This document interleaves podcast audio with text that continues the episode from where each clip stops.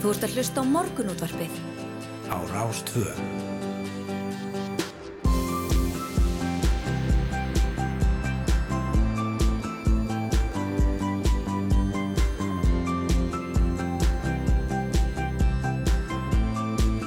Morgunútvarpið Á Rástvö.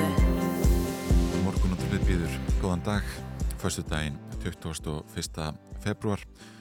Klukkan átta tíu myndir í sjö og það er yngvar Þóró Snær og Sindradóttir sem vera hérna með ykkur til klukkan nýju. Já, heldur betur. Það er, um, það er eitthvað veð, veður viðvarnir í kortunum eða ekki? Jú, einmitt að, að hefur svo sem verið þannig einhvern veginn e, nánast alla daga, Já. núna síðustu daga, en það er appilsnugul veður viðvörun fyrir höfuborgarsvæðið, Suðurland, Faxaflúa, Breiðafjörð, Vestfyrði og Miðhálendið.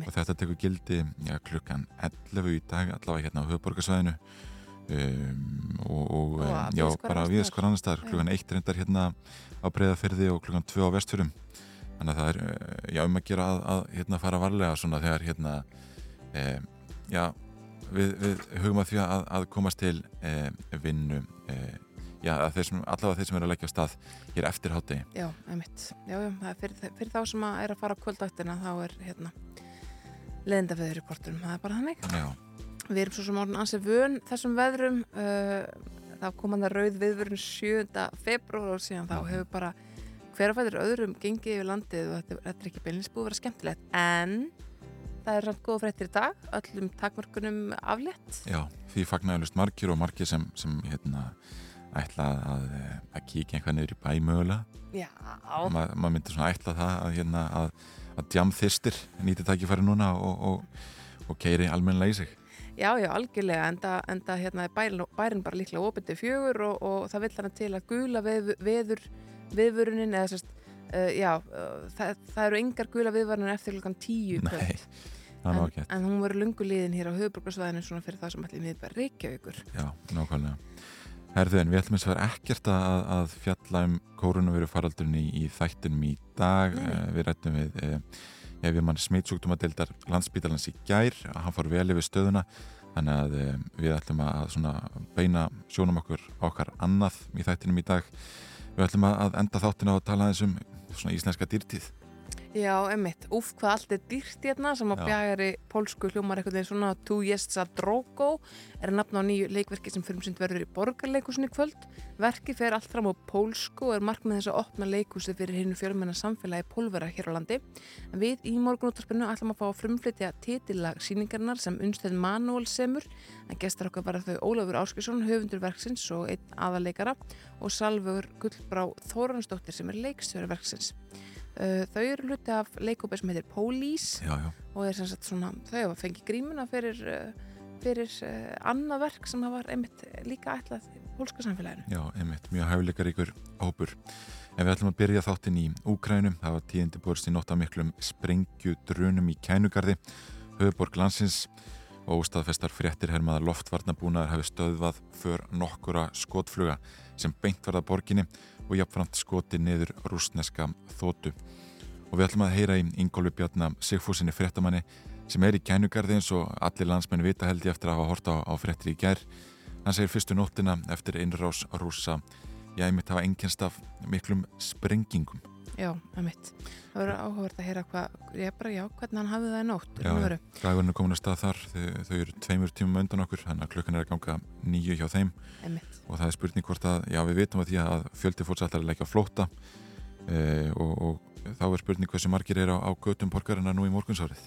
Já, einmitt. Við ætlum líka að ræða, um, ég sko á föstum þá rennum við alltaf við fréttir vikunar en þær verða mjög markaðar af uh, þessu stríði Rúslands við Úkrænu. Uh, það verður hennulega efst á baugi og þessu sinni höfum við búið til okkar Magniðu Marinastóttur, alþjóðastjórnmálafræðingi sem hefur gríðilega þekkingu á stríðisátökum og Friðriki Jónssoni, sérfræðingi í herrkensku fræðum og sem við líka formaði BHM. Já, já, einmitt, hann var hjá, hjá NATO í mörg ár, Einmitt. þannig að það er, það er áhugavert að heyra sko, þeirra skoðun á þessum málum. Algjörlega, Magna hefur verið að vinna í Bosníu, Bosníu og hún hefur verið í Kosovo en hún hefur verið aðalega verið samt í Palestínu og Afganistan og viðar.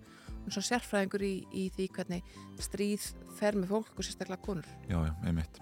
Og stríð eins og það sem er Úsland hófi í gær hefur vitaskuld margvíslegar alvarlegar afleggingar, e, mikla náttúrulega andlegar afleggingar og áhrifa, áhrifa á lífhóls en það hefur líka efnaðslegar afleðingar. Mhm. Íslenskir og alþjóðlegir hlutabriðamarkaðir voru eldröður í gær, verðbólka hækkar líklega enn frekar og framleiðslu keðjur að raskast og þá hafa flestir leiðtúar heitið afgerandi viðskiptaþingunum á Rúsland þó sko engi þeirra virðist hafa sagt nákvæmlega hversu langt verður gengið í þeim efnum eða, eða hvers konar efnaðslegar þingana þetta verða Já. og því óljóst um, já, hver áhrif þessara þingana eh, verða nákvæmlega. En við ætlum að ræða við Ásker Brynjar Torfason, hann er doktor í viðskiptafræði og sérfræðingur í fjármálum, já um hagfræði og stríð, war finance eins og það er kallað á, á ennsku. Einmitt.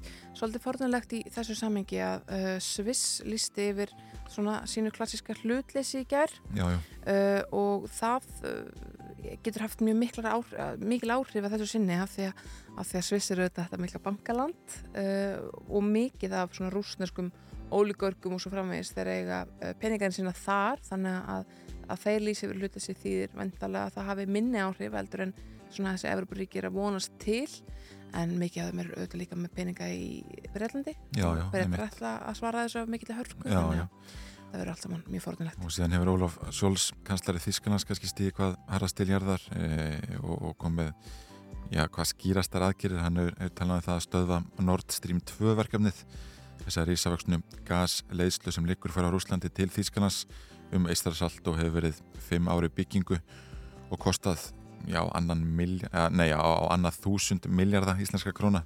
Þannig að það mun hafa, já, gríðarlegar afleðingar, ég held ég bæði fyrir Rúsland og Evropasambanslöndin. Einmitt. Það er áhört að ræða þetta út frá mörgum hliðum. Algjörlega. En við ætlum ekki bara að vera í Úkrænu.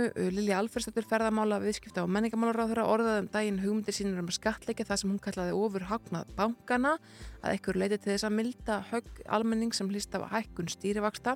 Bjarni Benditsson fjármálaráður tók fyrir þessar hugmyndir og sagði ákvarðinir um skatlækningu tekna í sínu ráðundi þar að segja fjármálaráðundinu, ekki viðskiptaráðundinu og við fáum hreinlega Lilju til okkar hér rétt, eftir, eh, rétt fyrir klukkan átta til að ræða þessi mál. Einmitt. Og síðan ætla að vera hérna á, á aðeins gleðilegri nótum upp úr klukkan hálf átta. En fyrra undan úslitakvöld söngvakeppninar fyrir fram á morgun uh, en ekki hefur verið haldinn söngvakeppni síðan 2020 af ákveðnum ástæðin sem við þekkjum öll núna held ég. Keppnin fyrir fyrsta sinn fram í kvikmyndaverðin í Guðunasi til þess að síningin verði með flottasta móti þarf þúsund handtök fjölda myndavila e, og, og gríðarlega já, mörg ljós og annað tækjabúnað. Þetta er mikið vesen og, og eh, þau koma til okkar Salome Þorkelsdóttir útsendingastjóri sjöngakefninar og Gísli Berg framlustustjóri RÚF til að segja okkur eitt og annað um þessa gríðarflóknu útsendingu og hvernig þú breytir tómum sali í ja, útsendingaver söngvakefninar á, á einugis nokkrum dögum Einmitt, það er, hérna, já, það er bara uh, heljarnaverk, getur sagt þér. Já, já, nákvæmlega Hvað er fram á ná forsýðu morgumblaðsins, Singur? Erðu eðli málsins samkvæmt er það stríðið í Evrópu um, innrás rússa í Úkrænu blaðið er undirlagt já, skiljanlega þessum miklu átökum uh, og, og uh, rætt hérna við Katrínu Jakobsdóttir fórsættisáþuram sem segir eins og hún sagði í, fréttunarúfi gæra að íslensk stjórnvöld fordæmi harlega þessa innrás rússam og það má segja að þetta sé versta sviðsmyndin sem sé að raungerst í þessum málum. Hún ítrekkaði að einrás rússa væri brota alþjóðalegum eh, alþjóðalögum á þetta vantilega vera en sagði að hugur sinn væri nú hjá íbúum Úkrænum þegar til stríðs átaka kemur eru óbreyttir borgarar alltaf fórnálömpin og það er líka rætt við já, úkrænska konu sem er búsett hérlendis eh, og, og ég fjalla bara vel og rækjala um þetta mál. Við fyrir betur yfir þetta á eftir en við ætlum að skipta yfir á fréttastofuna að heyra hvað þau hefa að segja af atbyrðum næturinnar og koma svo vörmu spóri. Þú ert að hlusta á morgunútvarpið. á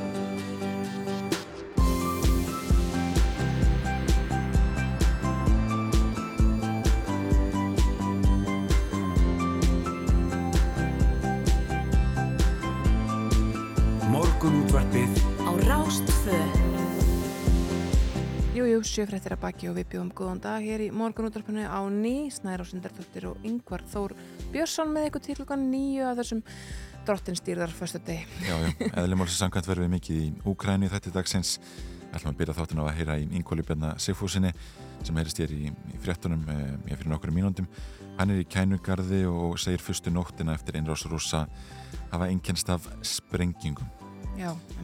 Við ætlum líka að, eh, já, ræða Rúsland og Ukræni í, frettum vikunar Snærós. Já, þau koma til okkar Freirik Jónsson og Magnea Marinastóttir. Þau eru bæði sprenglærð og, og mjög reynslu mikil í þessum efnum.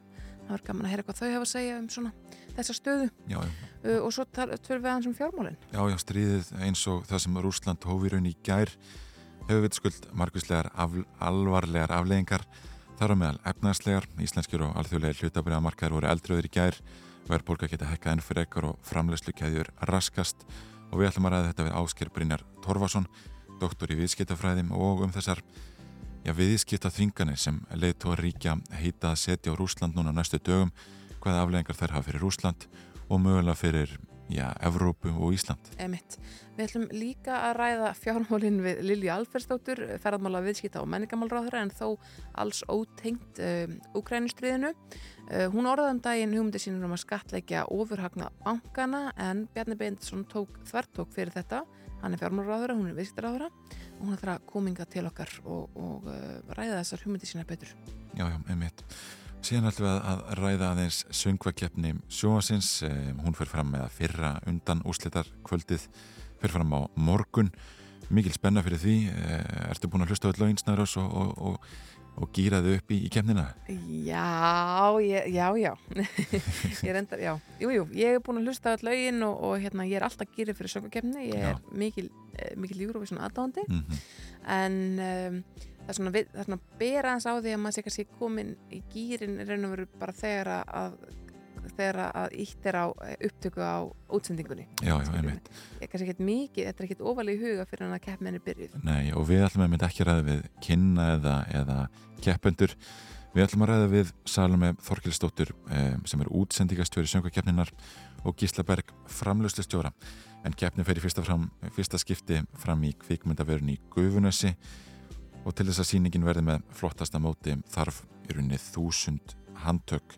Það verið að breyta þannig ja, tómu kvikmyndaveri á örskort stundu í eh, ja, útsendingaver söngvakefninar með, með öllum þeim ljósum og, og teknibúnaði og myndavöljum sem þarf til til að senda slíka útsending út. Þannig að við ætlum að ræða við þau um hvernig ég virkar að setja þetta uh, allt upp á svona fáum döðum Emitt, og svo er það ný síning fyrir pólska samfélagi sem frumsynd er í borgarleikusinu í kvöld, hún heitir Úf hvað allt er dýrt hérna eða Du jest sa drogo. Ég kannu þetta alls ekki byrja þetta fram. Nei.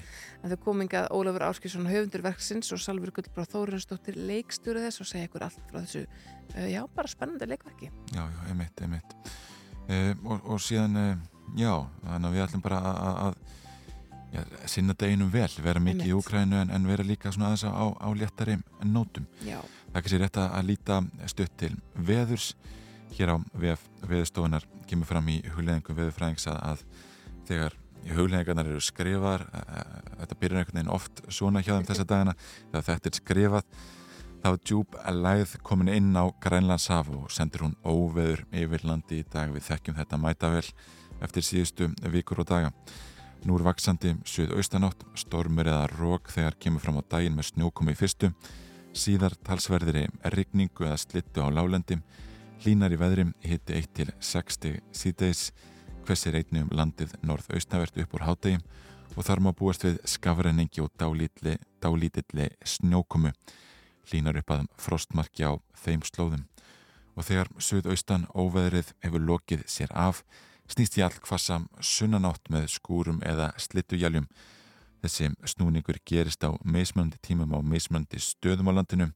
Tökum dæmum tímasetningar, segir veðurfræðingurinn, á höfuborgarsvæðinu milli klukkan 4 og 5, á eilstöðum milli 8 og 9. Og á morgun má gera ráð fyrir sunnan og stuðvestan strekkingi með jaljum nokkuð víða en bjartviðri norðaustan til á landinum það kólnar og hiti verður í kringum frostmarka á morgun og eins og, nefn, eins og við nefndum hérna e, í byrjun þáttar þá er appelsinu gul veður viðvörni gildi. Ég er svona frá klukkan 11 e, viðaskora landinum á höfuborgarsvæðinu Suðurlandi, Faxaflóa, Breðafyrði Vestfjörðum og Miðhálendinum og gul veður viðvörun annar staðar Emitt Jújú, það er hérna uh, veðrið varhauða verðt og það kemur svo sem fram á vegagerðina líka að vegið sem, bú, sem búast má við að verði á óvissu stíi verði jafnveg lokaður vegna veðurs í dag. Verður að taka það fram. Uh, það er vetrafærið á landinu en, en uh, á höfuborgarsvæðinu eru hálku blettur og jælegangur að mestu.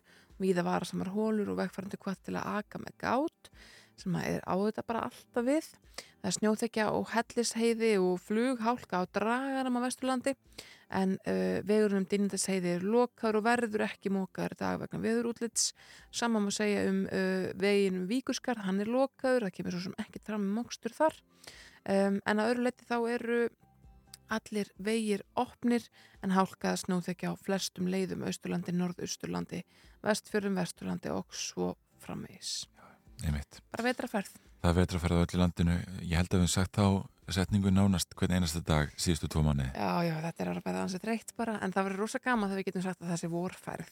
Já, já, það er bara sumarferðin landið allt. Einmitt, einmitt og, og bara rauðar tölur eh, á, á korti viðstofanar ah, við ekki það hugsa um eh, til þeirra tíma sem vonandi koma vonbræðar.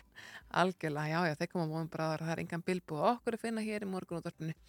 Þú maður hlusta á smá tónlist og, og ég hugsa að við ringjum bara í Ingólbjarna á meðan að leta lag hljómar og, og þið fóðu að heyra viðtala hér uh, rétt á eftir. Já, nákvæmlega. Þetta lagið sagt er með átnasinni og GTRN Er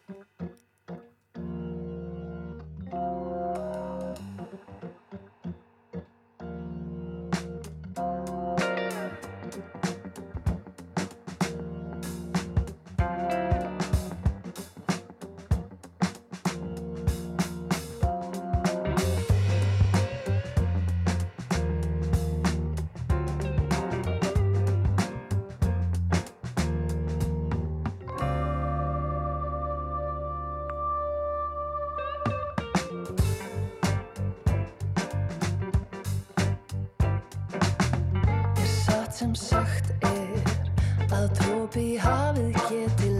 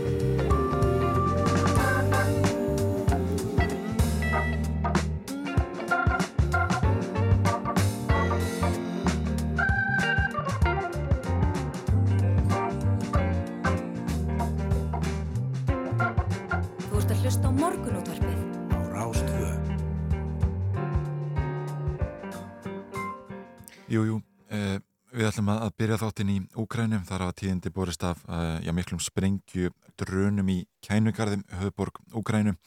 Uh, Ingóli Bjarni uh, Sigfússon, fréttamaður, er stattur þar. Já, góðan daginn. Komið sæl og Þú heyri vel í okkur? ég er ágætt og þið heyri sæmi. Þú Nei, að út. Já, það er eitthvað skrítið við hljóðið. Uh, ég ætla að fá, ég að fá að ringi þig í gemsan uh, að þú bara hengar augnablik. Grum á línunni. Ok? Já. En sjá, við erum að prófa alls konar tækni hérna því að það er uh, mjög erfitt fjarskiptasamband til Úkrænu Já, já. uh, og hefur má- verið. Já, já, eðlum álsins samkvæmt eh, hefur þetta áhrif bæði á, á símasamband og netsamband þarna úti, e, gengi mikið á og fjarskiptakerfið eh, í einhverjum tilvíkum sko ekki eins gott og, og, og vanalega við e, já, vorum að gera tilvöndlarinn að ringi greinum fórættið Teams sem við þekkjum nú öll mæta vel eftir þennan faraldur En- en prófum þetta. Hæ, hæ. Góðan daginn, Ingóli, þú ert í beinni útsendingu hér í morgunútvarpunar ást 2. Uh, núna. Já, þetta er miklu betra. Fjarskiptasambandið uh, hjá ykkur hefur verið ansið stópult. Sko, hvernig stendur það því?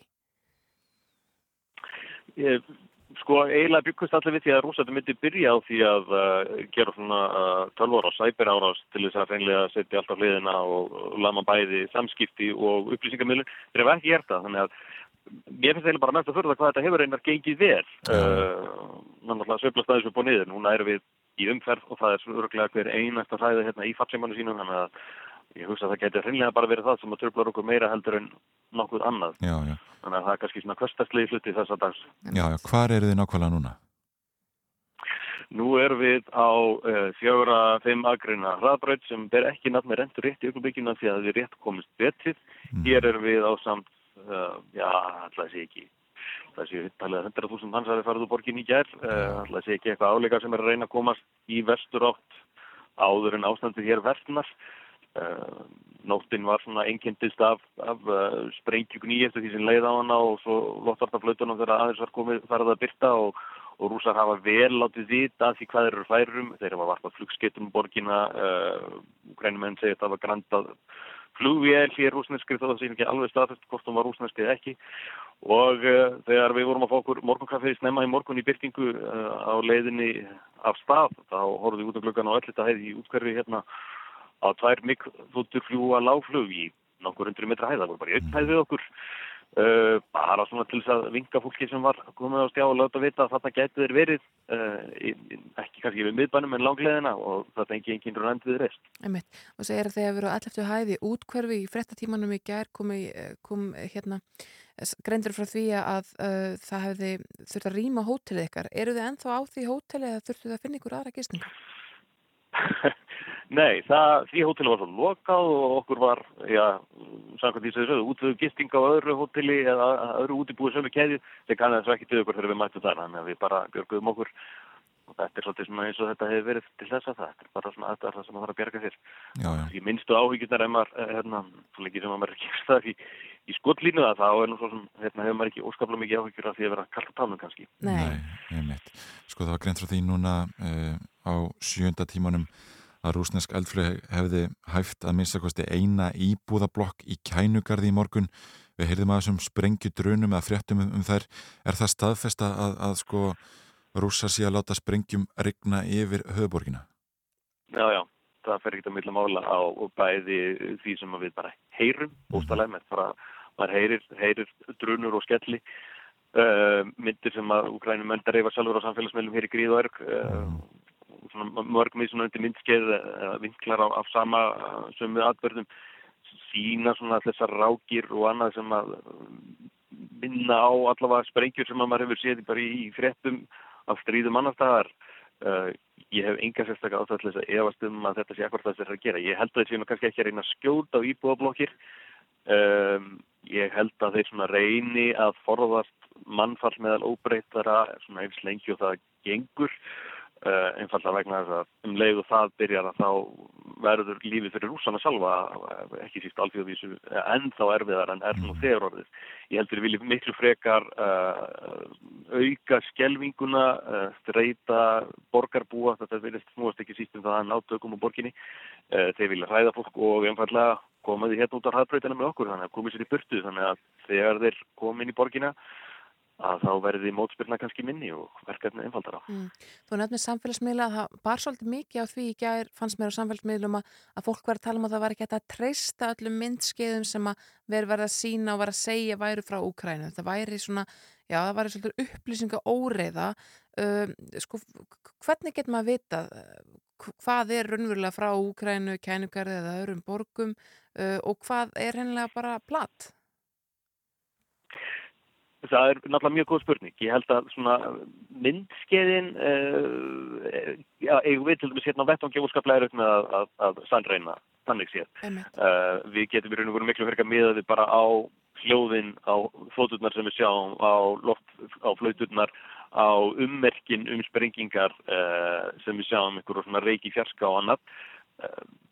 Það eru náttúrulega sem betur fyrir orðið mjög öflugir miðlar uh, sem að sérhafið í, í það að rýna í svona mitt samfélagsmiðlaefni uh, nota til þess bæði metadata sem fylgir myndskeiðum uh, reykja það út frá þess að bara með því að bera saman við Google Maps, tímastempla og fleira og reyna að sannreina hvort að þetta myndskeið eigi allavega uppruna sinn á þeim stað sem það er sagt að hafa eiga uppruna sinn og hvort að það er hægt að finna aðrilega til þess að staðfesta um, það er auðvitað eh, bæði rúsar og úkrænum mun reyna að mála mynd af atbyrðarásinu sem er þeim hagstæð. Uh, úkrænum mun reyna alltaf að staffa stálinni í sitt fólku og segja hversu velgengur að svara rúsum og standa upp í hárun á þeim og visslega eru vísbendingarna þar. Í morgunum vikið talað um landamæraverði á lítill eigu sem að rúsar ætluð að herrneima og sendu bara skilabóð á landamæraverðina það er eitthvað bara að gefast upp landamæraverðinir uh, svöruðum hægla þeir geti getið þessum út í frís mm. og kannski réttur umlega það og gultu fyrir það með lífi sínu og þeim er fagnað núna sem þjóðutím mm. uh, þetta er svona það sem að þetta eru svona sem úgrænumenn segja mm. fyrsta myndir og skreitir eitthvað sem hefur verið grandað og það því sem að text en ég held að svona annar herin er stærsti og þróaðasti hér heims einn þeirra þó þetta sé nú svona verið svona vera einfaldir fótgöngulegar sem eru verið að senda á výlinuna núna og hinn er 100.000 manna vissulega hér sem er að verja sitt heimili en, en, en kannski ekki alveg hvað er um að standa upp í háruna rúsum Nei. til lengdar, held ég. Er, er vita hversu mikið mannfall hefur orðið nú þegar? Uh, ehm, Selenski fórseti í Úgrænu talaði morgun í það hefur verið 157 staðfest mæntanlega uh, svo tala eitthvað herri en kannski ekki eitthvað óbóðslega mikið herri enn sem komið er. Mm -hmm. Nei. Sko, hva, hver er staðan varandi börn í, uh, í Kiev þar sem að þú ert? Minna, eru, eru börn í flestum bílum og þeirra sem er að flýja úr uh, borginni? Það er bara allur gákur, ég hef verið að rýna einu glöggan á þessum bílum, veist, þetta, er, þetta er eldra fólk á lötu fyrir fram á nokkur, þetta er fólk á japanskum smábílum, á Porsche, Cayenne, jaflingum, uh, yðurlega fjölskyldur. Uh, og barnafólki held ég að sé nú svona ofarlega á listar þeirra sem að hugsa uh, eh, til en ekki barnveit mm -hmm, Sko, margir náttúrulega töldu upprunlega að, að Putin myndi láta sér næja að, að taka yfir Donbass og, og héruðin hérna í austri. En það virðist verið einhvern veginn að, að hann ætli að mm, Sprengjum í reyna Hvað segir þau? Heyrðu sprengjum? Dallar sprengjur hérna í kringum okkur ekki staðar, já Já, er þetta nált ykkur? En allir leið, við Já, ef það er nálega okkur þá gerum við ekkert í því, við sittum bara fastir hér. Hvernig verður við þegar þú heyrir sprengju gný nálega þér? Uh, þú veist, maður bara reynir átt að segja hvað hann er og hvort að maður sér einhver ummerkju um að það sé eitthvað að gerast. Mm. Uh, Sér það nú ekki enn, en hérna, en hérna, þetta er óneitalega ekki þægilega það, uh, sérstaklega vegna þess að saman hversu fullkominn og háþróðu vopnunir og hversu fókuseraði menn þykir fyrir í því að beina þeim að frá þar og gæna að hafa fylgst með þessum hátækningstríð mynda að vera til þorlis að vita að það tekst ekki alltaf að hitta það sem er með þá sko. Nei. Eru sprengudrununar stöðuar hana? Nei, það eru það nú ekki. Þetta er svona gengur, veist, þetta er á veist, kannski nokkura mínuna fresti, kannski tíu mínuna fresti eitthvað sliðist. Þá kemur eitthvað sem maður svona greinir uh, í, í nokkur skipt í morgun hafa loftarnaflauturna farið þá þarf maður svona að vera vissum að maður vita allavega, já, eða svona finnir næsta bankar ef maður er ekki einhver stattur, stattur hún í úröku húsnaði. Mhm. En þetta er náttúrulega absúrt aðstæður í svona til þess þróaðri Evrópuborg árið 2022 að hérna, hér sé, hér sé nágrannin eitthvað pyrraður og ákveðið að hann ætla að gera eitthvað í því með því að efna til vopnarar innrásar. Emitt. Emitt. Þú ert bara svo við, fyrir þá sem er að koma inn núna, lýsum því aftur Ingólu Bjarni, þú ert stattur í einhvers konar umferðar umþveit á leiðinu út úr borginni með hópi fólk sem er að reyna hreinlega að flýja heimili sitt. Já, og uh, við erum í svona pínlítill bílalest með Íslandingum öðrum sem að ákvaða að, að það væri tímabært að koma sér hérna. Þannig að uh, þeir eru hérna, þau eru hérna í bílunum fyrir aftan okkur nokkur og eru svona, og, og svo einn finskur kollogi okkar frá finska ríkisóttarpinu sem er líka alveg inn í byrtu Já. og við erum svona að mjaka okkur hægt og rólega hérna í átt af útjæðri borgarinnar. Mm. Hva, hvað heldur að gerist næst í þessum átökum? Sko það sem að Úkrænum menn þykist að það heimildi fyrir að sé plan rúsa er að í raun og veru uh, skrúa fyrir súröfnið í kýf, uh, gera fólki lífið þeirra óbærilegt og koma svo inn. Uh, það eru sagt að það séu spellvirkjar sem að verði sendir hér inn fyrst til þess að gera kannski, það ekki mertir hermenn, verði sendir hér þess að vera kannski með einhverjar sprengjur eða reyna að standa fyrir óerðum eða bara einfallega auka óvissu og óreiðustíð í borginni enn frekar Mm. uh, og svo verði ráðist á stjórnarkverfið uh, Selenski fórseti Ukrænu segir sjálfur að markmiði sé að kortsteipa stjórnundum koma á leftstjórn og drepa hann Er hann farin í felur eða, eða er hann bara ennþá í þessu Nei, stjórnarkvarfi? og... nei, nei, hann, hann segist ennþá verið í stjórnarkverfinu og, og fjölskyldan sé líka enn í Ukrænu þó hann segi ekki hvar og hann er duglegur við bæðið að senda frá sér svona myndskeið á, á, á samfélagsmiðlum og koma hér fram í sjónvarpi. Hann allar allavega uh, ekki vera ósýnilegur á meðan þessu stundur. Sko hvernig þjóð er Úkræna? Eru þetta, er þetta, ég meina, er herskilda í landinu, er þetta sko hargert fólk, hvernig er menningin bara svona, já, bara svona þjóðarsálin í þessu fólki?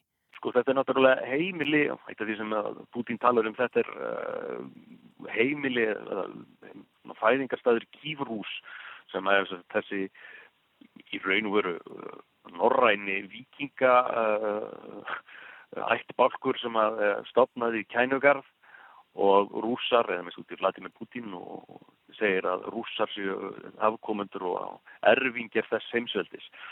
Uh, þetta er fólki sem býr hérna, þetta er flesti hlutin, þetta eru slafar hér en þetta er afar blandað, uh, náttúrulega fólki úr öðrum fyrirverandi sovjetlíðildum og nágrannaríkjunum, uh, fólk alltaf fælist hér og fælst í gegnum aldirnar. Ok, nú segir fyrksinu náttúrulega mér að, rúsa séu á leiðinni inn í miðborg Kænugars.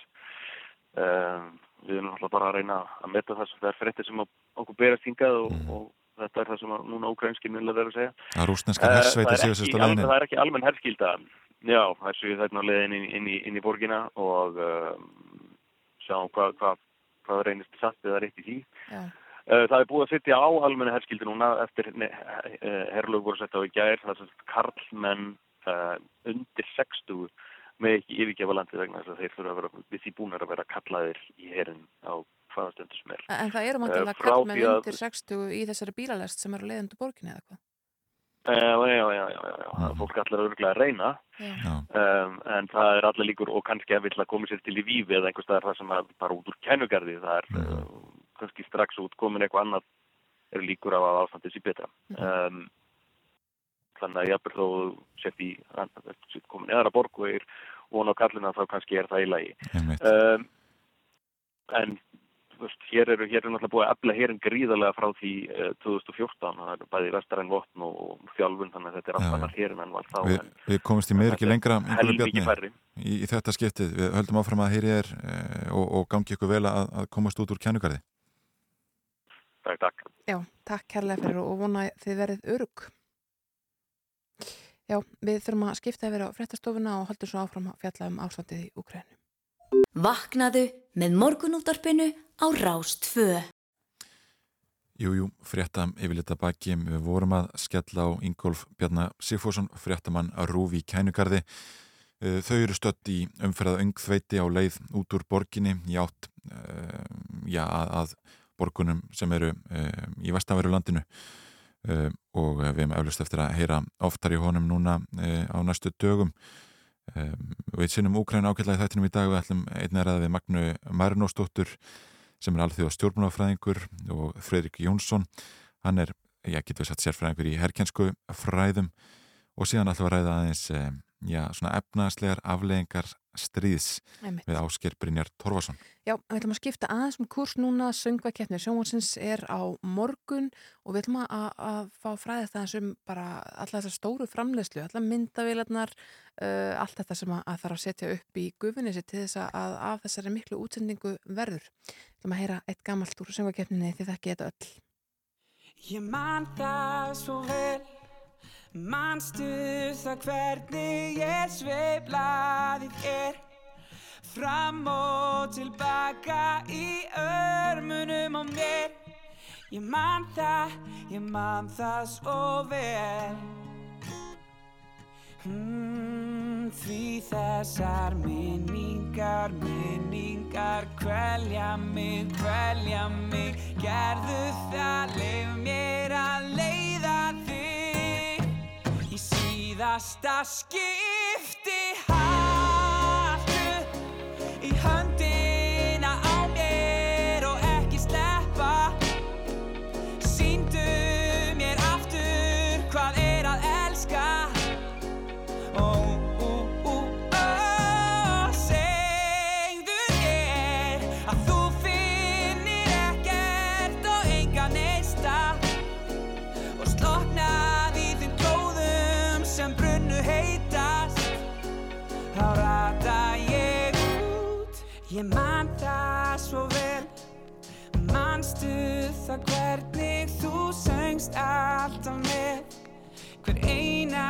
einasta bílferð sem tónleikar með þér. Ég man það, ég man það svo vel. Mm, já, þessar minningar, minningar Kvelja mig, kvelja mig. Gerðu það, leif mér að leiða þig Í síðasta skipti. Haltu Í höndina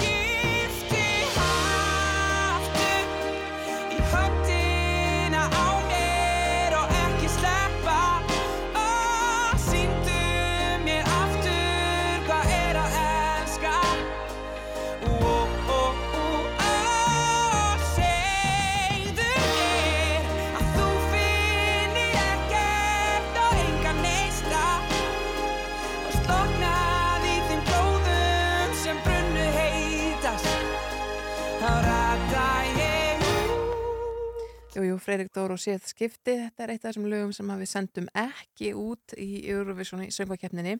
Uh, söngvakeppnin sem hún hefst á morgun, hún var ekki síðust ári en, en hérna er hún á snúin aftur uh, út á dollu sem að segir, þau eru komin hinga til okkar Salome Þorkirsdóttir og Gísli Berg. Salome er uh, útsendingarstjóri uh, hérna söngvakeppnarinnar og, og Gísli er framlýstastjóri Rúf, verðið velkomin. Takk Já, takk fyrir það. Þetta er rísastór framleiðsla sem að uh, bara fer í hönd þegar söngakeppnin er sett uh, í, í loftið. Það eru þetta þannig að þeir eru fyrstskipti í gufunni, sexat. Jú, jú, það passar. Við hérna náttúrulega komumst að því svolítið að við vorum bara ekki með eitt húsnæði sem hendaði fyrir þessa stóru keppni sem hún er orðin, söngkeppnin og hérna þó svo við höfum alltaf verið hérna að byrja undirkeppnina í hérna háskólabíói og farið það inn í lötsvöllina þá vorum við að þann stað að við þurftum að vera bara með alla keppnina á sama stað og, og, og gera eins uh, svona stærri umgjörð og hérna við ákveðum að fara í hérna í Guðnesið og, hérna, og það er búið að taka svolítið á að hérna, gera svona, þannig sé bara svarta skemmu að svona risastóru sjónvarstúdjói. Já, hvenar byrjuðu þið að, að breyta þessari skemmu í, í fullbúið stúdjó. Þetta hefur náttúrulega verið í vinslu sko, í, í svona kvikmyndagerð og, Já, og, já. og þannig sko, en, en svona það sem við þurfum að huga er bara svo margt, við erum að fá hana fullt af áhörundum og allt frá því að setja, uppheggjipunkta í lofti til þess að geta hengt upp allir þessi ljós sem við setja upp Einmitt. og, og þurfum að fara í brunótett og við erum búin að með vertfræðinga hvort sem það er einmitt tengt uh, burðaþóli eða, eða, eða, eða, eða flótaleiðum eða, eða, eða, eða hvað sem það er, það er hérna en þetta, þetta er alltaf smetla og við erum bara með bara landsliðið í í sjómas og, og, og tónleikagerð bara aðvinna hjá okkur. Geggjað. Sko, hvað er þetta mörg ljós og hvað er þetta marga myndavilar sem þú ert að hafa í huga á morgun saman með Oh þetta my skipta á milli? Ég hef ekki hugmyndi hvað þetta er mörg ljós. Það er rosalega. Mörg Já. rosalega En við erum með 15 kamerur, allt í allt. Ok, er það meira að minna heldur en verið hefur? Aðeins meira kannski. Já, Ekki meira. mikið meira. Er þetta stærri höll eða hvernig virkar þetta? Já, hún er alveg, hún er svona kalibari við lögutarsöldina. Já. Kannski aðeins færri áhörendur en, en við fáum alveg sama sjói, sko. en Já. nú er að sumir sko keppendur sem hafa keppt áður, eh, sumir nokkru sunnum kannski, Mm eh, er eitthvað öðru við það að, að keppi í gufunesi fyrir þessa keppendur? Er, er, er, er, er tæknibúnaðurinn annar eða, eða ljósin eða eitthvað slíkt? Þetta er bara allt miklu stærra Miklu stærra, við erum líka meira búin að- rými til að dansa? Já, Já. svolítið, þetta er alltaf 170 fermetra svið, þar sem við erum núna setja sko, fyrsta skiptu í Íslandi erum við með sko svona glergólf sem speklast í sko staðista lettskjá í landsins Þannig að hann tvöfaldast þegar þú Já. sér hann í mynd út af því að Mhm. gólfinu er alltaf bara eins og rist og speil. Mhm. Þannig að þetta er alveg geggja sko. Þó, er að þó við segjum sjálf frá. Við erum alveg pissi og engin annars skilinni. En er, sko, er allt tilbúið á þessum tímpunkti eða er það bara að fara núna beint upp í gufunes að, að hérna, skrúa saman svið? Sko, sviðið var tilbúið í gær. Já. Þannig að við gætum því í gær, en það hefur verið svona fínstilla allt í salnum. Já, En það er reddi í dag. Þetta er, þetta er alveg Alltaf ótrúlegt. Þetta er búið að ganga svo vel þrátt fyrir allt sem er búið að ganga á hérna síðustu mánuðina. Já. Þegar við vorum að velja sér lög þá vorum við náttúrulega bara að, að horfa á sjóið í hilsinni Mm og síðan náttúrulega bara kemur desember og síðan kemur bara samkomu pann okkur veginn, það er bara tímanna samkomu og við erum að skipulegja bara þúsund manna veist, beina útsendingar sko. já. og bara og þú bara þarft að keira þetta á ærileysinu ok, við gerum þetta, við erum með plan A, B og C og alveg komin nýr í Ö hérna. Já, já. þú veist, til þess að reyna að finna út í hvað það getum gert. Já. en þetta er bara frábært. Og líka við erum með svo frábært fólk sem er að vinna þetta. Og það er allir svo í svo góðu skapi, það var svo geggjuð þessi æfingi gær. Og bara við, það dróst aðeins og við vorum eitthvað aðeins að setja í samband svona síðustu hlutina. Og, Allir og allir svo rólegir. Og keppendur eru svo geggjaðir, er svo frábæri Mhm. keppendur í ár við erum á ekki að plana. plana. Það er bara full on show, loksins eftir tvö ár. Og bara engin, engin grímskyldi salunum og ekki neitt. Nei, það er fyrir átta klukkutími síðan Já, þá, einmitt, þá fórum við í plana Ok, það er frábært, en Já. gaman. Eh, sko, á, hvað tækni á fólk að vera svona að horfa eftir, fólk sem er gaman að því að spá hans í hverju, hvað við erum að bjóða upp og hvað er nýtt? oh my god. sko, það er Eh. náttúrulega við erum náttúrulega byrjuðum síðast að keira eftir svo kvöldum stemmum þannig að við erum með sko tímakóðað öll lög sem við gerum og þá er það þannig að það er bara eitt playtæki og við erum að tala um að þá fer myndmixirinn sem klippur milli myndavelina sjálfkrafa stað, Já. ljósinn fara sjálfkrafa stað, Mhm. videoletti fyrir sjálfkrafa stað og mér er þess að hljóðið syngast upp, þannig að þetta er svona við erum bara þetta allt, þannig að við getum þú veist, haft miklu meiri stjórn á hvað gerist Mhm. og æft þetta þessi alltaf nákvæmlega upp á bara Eins. sekundu eins Já. Og náttúrulega gerir náttúrulega Salome náttúrulega kleift til þess að þú veist, bara mastera hvert einasta skot sko, Mhm. sem Já. verður svo geggja sko. Sko, hvernig eru taugarnar þegar þú ert að stýra útsendingu á sjónvarsviðböru sem þessum sem sko öll þjóðin er að horfa á og öll þjóðin tekur eftir því þegar eitthvað klikkar. Þá er ég rólegust. Það er þannig, já. Mér liði best í útsendingunni sjálfur. Já, Miklu me hérna, meira ekki stress, það er bara svona taugarnar þandar á æfingum. já, já. En um leið og útsendingin einhvern veginn rúlar að stað, þá bara, Þá bara, þá virkar bara róast taugarnar hjá mér, sko. Útsensingi byrjar hvenær á morgun? Hún byrjar 1945. 1945 og bara beina útsending og allt getur gerst. E, já, En vonandi ekki neitt. þetta verður geggja en ég meina við þurfum alltaf bara að í svo mörg í kringum þetta, ég meina við erum bara tilbúið með snjómósustæki fyrir utan alltaf fyrir allar áhörundunar, þú veist, það alltaf þarf að klera hana Já, auðvitað. 600 bílastæði og, og við þurfum að huga ef ekki með asalháka, veist, það, það er náttúrulega að mörg að hugja, en, já, já. en ég held að þetta verði algjörlega geggja sjó og við erum, með, við erum tilbúin í allt og bara, mm, geggja. ég segi bara góða skemmtun. Já, Salome Þorkslóttur, útsendingastjóri, söngukeppnarinn og Gísli Berg, framstæðstjóri Rúf, takk kærlega fyrir komin í morgunundarpið. Lili Alferstóttir, uh, eh, ráð þeirra er að fara að koma sér fyrir hjá okkur en fyrst ætlum við að heyra eitt lag með Prins.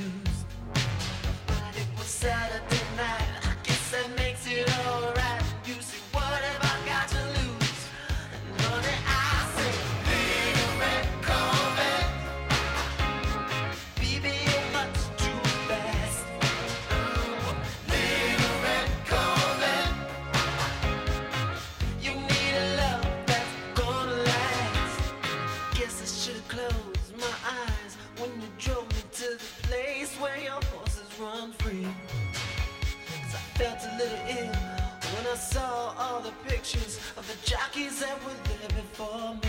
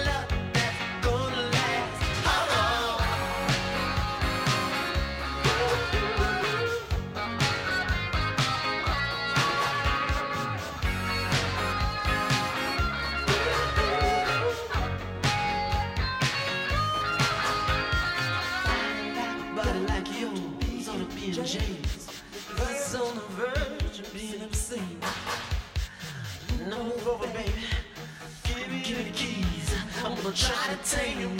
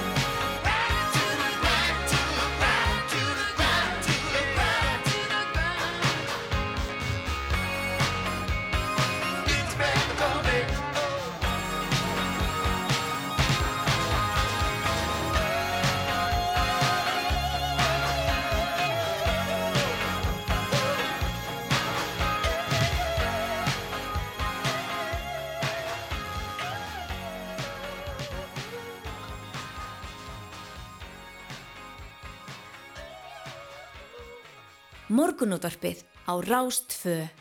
Alla virka daga frá 6.50 til 9. Jú, uh, Lilja Alfredsdóttir ferðamála viðskipta og menningamálar á þeirra talaði um daginn um hugmyndi sínur um að skatleggja já, það sem hún kallaði ofurhagnað bankana að einhver leiti til að milda höggi sem hlýst af hækkun stýrivexta og Lilja er komin ykkar til okkar, góðan daginn Já, góðan daginn Sko, ef þú getur sagt okkur hans betur frá þessum hugmyndum eh, hvernig skilgrinir ofurhagnað bankana og, og hvernig viltu skatleggja? Já, við kannski byrjum bara á því hvar við erum stött í hagkerfunu, hagsveiflunni og að við séum núna komin inn í svo kallan post-covid tíma. Mm. Við þetta erum, sem sagt, eh, lendum auðvitað bara heimsbyðinu öllu COVID-inu og eitt af því sem tókst alveg gríðarlega vel voru mjög samstiltar efnhagsaðgerðir á heimsvísu sem félast annars vegar í því að ríkisjóðir allra ríkja e, fóru og, og hérna í raun og veru bara aðfundu fjármagn til sinna þegna og svo hins vegar að, að stýrivextir að allra líkil sæðlabanka lækkuðu. Þannig að peningamagn í umferð jógst verulega og ég menna ef þetta hefði ekki verið gert þá hefðu við líklega farið inn í allserjar alheimskreppu og þetta er í raun og veru í fyrsta sinn sem eru svona opbúslega samstilt e, já, samstiltar aðgerðir. Það sem gerir svo í kjölfarið er að við sjáum núna að það er verbulgu þrýstingur meðal annars að því að framleiðslu kerfi heimsins hafa verið að nögta ja, það hafa verið nökrar þar og, og það eru ákvæmlega svona kostnæðarhækkanir sem eru að koma fram núna. Ég held reyndar og það er mín skoðun að þessi verbulgu þrýstingur að hann er til skamstíma í svona eitt, max tvö ár Mhm. Og það sem mun, muni svo gerast að þegar í raun og veru þessi fjármunir sem voru aðfendir almenningi til að mynda ég nefni í bandaríkjónum og, og kaupmáttur fyrir að rýrna þá mingar eftirspurn og við munum ekki sjá eins mikla verðbólgu segi eftir svona tvö ár. En það sem getur gest á stutt á tímabili er að það eru ákveðin heimili til að mynda heimili sem komu inn á markaðin hér á Íslandi e, fyrir svona átján mánum, tveimur árum sem eru miklu viðkvamri fyrir því að Sælabankin fara að hækka vexti. Og þá finnst mér mjög eðlilegt og sangjant að stjórnvöld og bankakerfið taki sérstaklega tillit til þeirra hópa sem koma hlutvarslega mun verð út e, úr þessu tímabili. Og þannig er ég líka að tala um ferðarþjónustu fyrirtæki það sem ég raun og verið að segja við þurfum öll að taka líka þátt í þessu tímabili eftir, eftir COVID-ið vegna þess að sumir koma mjög vel út úr því. Ég menna til að mynda þeir sem eru í byggingaeðnaði ég menna það er búið að byggja og ég menna margar verslanir hafa komið mjög vel út og þá finnst mér sem stjórnmálamanni mjög eðlilegt að við deilum þessum byrðum sem samfélag, en ekki bara það séu sumirhópar sem koma vel út og aðrir ekki. En Þarna er ég sérstaklega að horfa líka til uh, uh, ungs fjölskyldufólks. En sko, en myndi þessi aðferð ekki minga áhrifamátt stýrifastahækana? Það sem er hægt að gera er að það er að fara í sértækar aðgerðir fyrir þessi heimili sem koma vest út Mm. og uh, þannig að við myndum ekki minga áhrifin, heildar áhrif stýrivaksta hækkana heldur frekar horfa til þeirra sem eru í vesturstöðu. Við séum það til að mynda og við erum búin að gera mjög miklar greiningar í mínu ráðaniti á stöðu ferðarþjónustu fyrirtækja og sum eru, ég meina eigi fyrir búið, þau eru búin að skuldsetja sig og þau eru í raun og veru bara að komast yfir þetta erfiðasta tímabil. Og þá segi ég, fjármálakerfið þarf að taka þátt í þessu og ég er endar fullviss um ég er alltaf svo jákvæð sko ég, hérna, ég er enda fullviss um að fjármálakerfið e, muna einhver leiti gera það. Og mér er það mér finnst það svolítið eftirminnilegt að það var e, tekið viðtal við e, bankastjóra Arjón banka, Bendit Gíslason og þetta var lagt undir hann og hann sagðist að hafa fullan skilning á því að ég var að setja þetta fram vegna þess að ef við líka lítum, ég er í raun og veru að komi hugmyndir e, fyrirfram en ekki í raun og veru að það sé komin upp vandi eftir átjálmániði og við séum í, í vanda. En þeir eru ekki mætt sami skilningur eh, hjá Bjarnar Benditsinni fjármálaráðura sem segir bara skattlærningin hún á heima mín ráðundir og við ætlum ekki að vera bankar. Já, ég með hann það bara sem tíma. Það er bara þannig. Já, það er bara þannig. Og, og svo er það auðvitað líka þannig að við erum í stjórnmálum og ég menna að þið sáu til að mynda að þá fór sig í viðtal við forman efnahags og viðskiptanemndar í, í gær þar sem hún segir að henni finnst þetta bara mjög fín hugmynd að selja hlut, selja hlut í landsvirkjun. 40% eitthvað svoleiðis. 40% meðan ég segi það er algjörlega útilokað og það gerist ekki á vakt framsóknarflokksins í ríkistjórn og það er ekki eins og þetta hefur verið rætt á ríkistjórnarvettvangunum en fyrir við framsóknarmenn eitthvað á límingunum verður við mjög stressuð yfir þessum ummælum formans eh, efnahags og viðskipta nefnda, nei við gerum það ekki Mm. vegna þess að við erum með mjög skýra sín á það að svona mikilvægt innvæðið fyrirtæki að það skuli vera í einn almennings. Já, sko, ef, ef fyrir maður út að Snærós nefndi hérna áðan að, að Bjarni Benediktsson fjármálar á þeirra að vera ekki sammálaðið sem hugmyndum um skatlatningu ætlað þú að, að beita þér fyrir því að, að, fyrir frekar í skatlatningu annars vegar kannski í bankagerun og hins vegar í sjávarútvegi um, að, að það já, að, að þetta verði að einhverjum aðgerðum eða verður þetta um leið drepið við ríkisvöndaborðið? Þess að ég segi að við þurfum alltaf að hafa hugfast að þegar við sjáum að það er að myndast ofur hagnaður í einhverjum geirum, góðs að það er í fjármálakerfinu, ég held að hagnaður á síðast ári, ég held að sé að komast yfir 90 miljardar og auðvitað er það virðis hækkun, en hvað gerist þegar virðis hækkun er að eiga sér stað á eignum, þá greiðum við, við hérna öll sem eigum fastegnir, við erum að fara að greiða hærri fastegnaskatta og það mingar kaupmáttin. Það er rétt. E, það sama á við, ég menna íslensku sjávarútvöður, honum hefur vegnað alveg gríðarlega vel og við megum vera mjög stolt af því að hversu vel hefur gengið þar og arsemi þar hefur aukist verulega meðal annars vegna þess að hann er orðin svo teknivætur og þeir hafa farið mjög skynnsamar fjárfestingar og þá finnst mér ekkit óeðilegt að samfélagið okkar Mm. njóti þess í ríkara mæli. En þetta eru auðvitað hugmyndir og veist, stjórnmál ganga út á hugmyndir og hugmyndafræði og það er alveg ljóst að það eru þrýr ólíkir flokkar sem setja í ríkistjórn Íslands og það eru oft sem það koma um hérna svona hugmyndir og, og e, ég hef verið ána með þau viðbröð sem ég hef fengið. Ég hef fengið e, mjög sterk viðbröð bara frá fólkinu í landinu. Mhm. Auðvitað eru einstaka pennar á viðskiptablöðunum sem finnst þetta eitthvað sérstakt en þá segi ég bara við þá e, skoðið hvað Margaret Thatcher gerði árið 1981 þegar mjög svipaðar aðstæður voru þegar þurfti að kljást við verðbólgu og bankanu fóru að skila miklum hagnaði vegna þess að það var orðin svo mikill vakstamunur að þá var farið í svo kallahan kvalreka skatt, það er að segja að var skatlaður þessi í raun og veru einstaki hagnaður út af einhverjum aðstæðum sem viðkomandi fjármálakerfi bjó ekki til. En sko er endilega gáðald að líta til efnahagstjórnar Margaret Thatcher sem að bara, já, hún bara allræmt fyrir að, að skilja einhvern veginn brest efnahagskerfi eftir í halgri rúst. Er það? Já, ég menna, ég er búin velfrakerfi. Já, hvernig, já, en við erum ekki að fjalla um það að þarna e, hækkaði hún skatta til þess að setja í velferðarkerfið. Þannig að ég, ég meina, ég, mér er sama hvaðan góðar hugmyndi koma, hvort sem það er bara Margreti Thatcher og eða, eða öðrum, en það sem ég er bara líka benda, það eru margir sem eru til hægri í stjórnmálum sem einhvern veginn hafa miklar áhyggjur á því að það sé verið að auka skatta. En ég segja á móti, samfélagið okkar, e, það verður að vera sangjart og það verður að vera réttlátt. Mm. Af því að ef við, ef við sinnum ekki þessari frum skildu samfélagsins að huga að því, þá verður gliðnun í samfélaginu og það er mjög mikilvægt að átta sig á því að þegar hún er mögulega að byrja að taka á því í stað þess að hugsa eftir fimm ár er þið bara hér í hópu sem bara fór mjög illa út úr þessu kót tímabili. Mm -hmm. Einmitt, þú tala náttúrulega um mikla hagna bankana hérna rétt í lokin, þá náttúrulega ráðstu frekari sölu á Íslandsbanka, finnst þið það varhugavert? Nei, ég til að það sé skynsalegt, en það sem ég til að sé mjög mikilvægt og margir hafa verið að segja, já það er, það er svolítið sérstakt að koma með þessar hugmyndir núna þegar við erum í söluferli.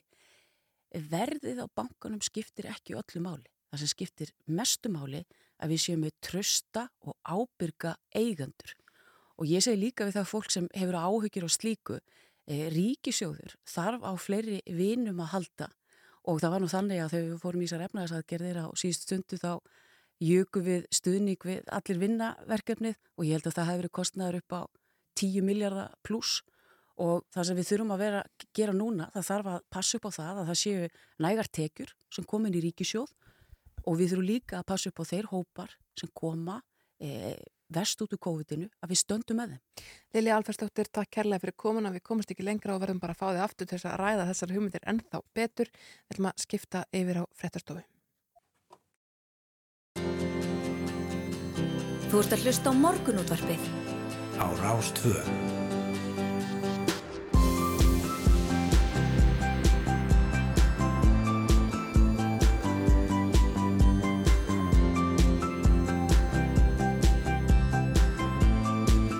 Morgunútvarpið Á Rástfö.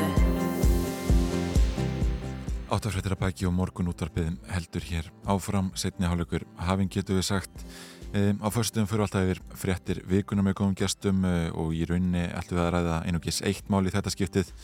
Það er stríðið í Úkrænu uh, þau koma til okkar Magnea uh, Marinósdóttir alþjóða stjórnmálafræðingur og Fridrik Jónsson sérfræðingur í herrkjensku fræðum og formaður BHM en fyrst er auðvitað lag, þetta er flott með flott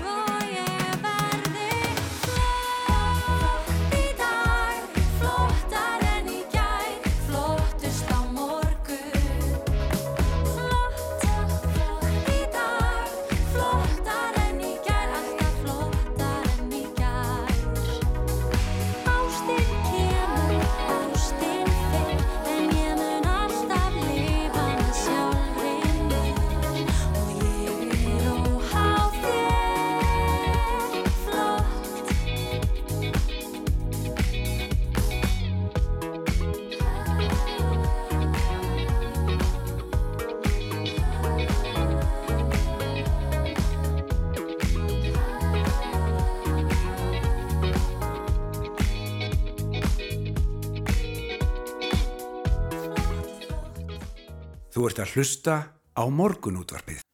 Jú, jú, á förstu dögum þá förum við alla jafna yfir frettir vikunar og þessu sinni ætlum við að einbytta okkur að einu máli og aðeins einu. Það er uh, stríðið í Úkrænu, Rúsland, uh, rússar reyðust reynilega inn í Úkrænu í gær. Það voru svona frettina sem fólk vaknaði með og, og síðan þá hefur bara ástandi verið að stig magnast.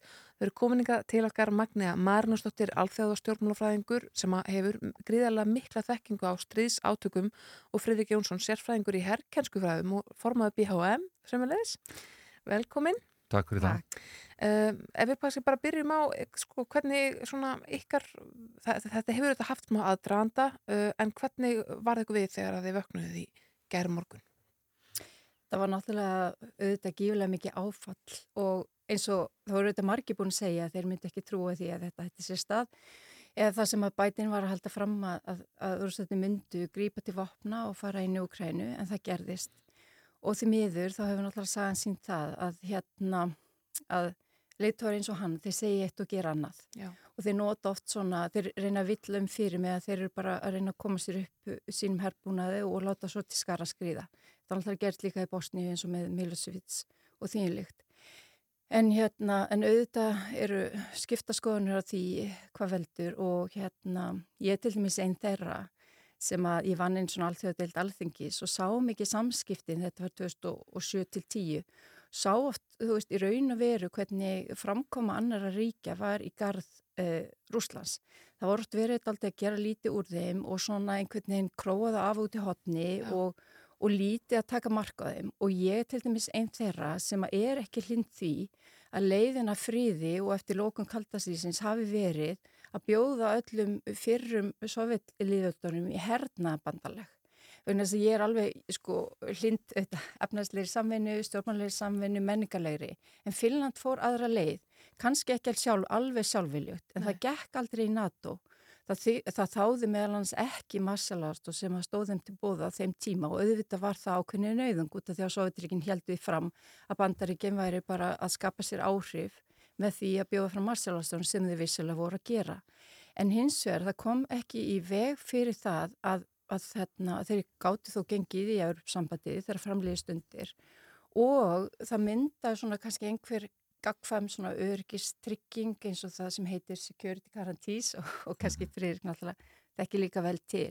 En sko þetta er búið að vera að krafa Rúslands í 30 ár að það verði sko hernaðar eða svona výlinan innan gæsalappa milli sko þá bandarækjana í, í fórsværi fyrir NATO og svo Rúsland sem er búin að missa mikið Mhm. þannig lagað, svo þetta er ekki fallin og þannig, verði ekki bara við landamærin þeirra og það verði þannig hlutlega svæði. Og auðvitað eftir þennan 30 ár og með þennan leiðtóa sem Putin er að hérna og, og Lukashenko í Kvítarúslandi að þá eru þeir þá bara á endanum þú veist þá er snýst þetta ekki kannski um einhverja skynsemi það snýst svo mikið um eitthvað særs þjóðastólt, einhverja tilkferingar, kattmennsku, þjóðarremping og þýjunlikt og við skulum bara sína þeim í tvo heimana þeir hafa ekkert ekki marka á okkur og þeir farið með hernavaldi og þetta er nákvæmlega eins og gerist í fyrir Bosni, þú veist, í Bosnistrinu í raun og veru, þú veist, þeir voru búin að tapa Slovaki, þeir eru búin að tapa Króatíu, nei þeir ætlu ekki að tapa Bosni og það gerist þjóðamór og stríslapir og þýjunlikt og því miður, það er, ég veit ekki, ég held að maður þurfi bara aðeins fara að skoða aðeins betur hvers konar augrun hefur í gangi stíðisnið 30 ár í garð Rúslands að hálfu bandarækina, NATO og auðvitað nágrannríkin verða alltaf peð í þessu valdatabli. Og mér finnst Úgræna núna stendur eftir varnalaust er ekki NATO búin að vera í einhverju samræði í NATO síðan 92 nýtur ekki venda samkvæmt 50 grein út af þeir eru ekki meðlumir en það er búið að vera svona, þú veist hálgerlega pínlítið þeir hafa auðvitað si, sitt val og sinn vilja, en hversu mikið er hann skilistur? Já, já, Fredrik, sko, ertu sammálað þessu, hefur þetta, Nei, þetta blasa og- við í lengri tíma? Eh, Nei, ég, hérna, kannski ég byrja nú að segja því ég kem hérna í ljósi sérfræðing tekkinga minnar á örgisvarnamálum og, og er ekki hér fyrir hönd hvorki B og Nei, nei. emni í íslenskra stjórnvalda uh, þá verði ég nú að segja að ég er nú svolítið gáttaður á þessum málflutningi hjá henni Magníuvingunum minni uh, sko grundvöllur alltíða samt, uh, samfélagsins og er sjálfsákvörðunar réttur þjóða. Punktur. Uh, NATO er ekki hernaðabandalag NATO er varnarbandalag sjálfstæðra líðræðisríkja sem velja það sjálfa að vera í því bandalagi. Ég hugsa nú að flestu ríki í miða og austur Evrópu prísi sig einmitt sæl í dag að þau hafi fengið aðild að NATO. Það að Já, sært, stolt rússa sé eitthvað sem að eigi að taka sérsta tillit til í þessu samhengi þegar að Rússland er hinn augljósi árásaræðili hefur farið fram með þeim hætti sem að landið hefur farið fram uh, gegn sínum nágrannríkjum á, já, á síðustu 20 árum. Uh, það, það kemur mér óvart uh, ég verð bara að segja það. Hvað var það hvernig mér leiði gerðmorgun þegar tíðindun komu að þetta verið færið að stað. Uh, jú, vissulega var manni brugðið en maður áttu vonað þessu. Þetta, þetta var búið að liggja í loftinu lengi maður bara vonar hins vegar alltaf við besta meðan maður undirbýr sér fyrir það versta. Uh, það versta er að gerast það er að stigmagnast og það fer vestnandi Uh, ég sé að uh, svarnamálar á það er breytlands í morgunleitur hafa eftir sér að jú, það er augljóst uh, og bandar ekki fósiti fyrir nótt eða í gerkvöldi þessi augljóst að uh, markmiði sé að taka alla Úkrænu og umkringja borgina. Uh, það var það sem ég saði hér uh, ráseitt og kollegum ykkar strax í gerðmorgun uh, þessar uh,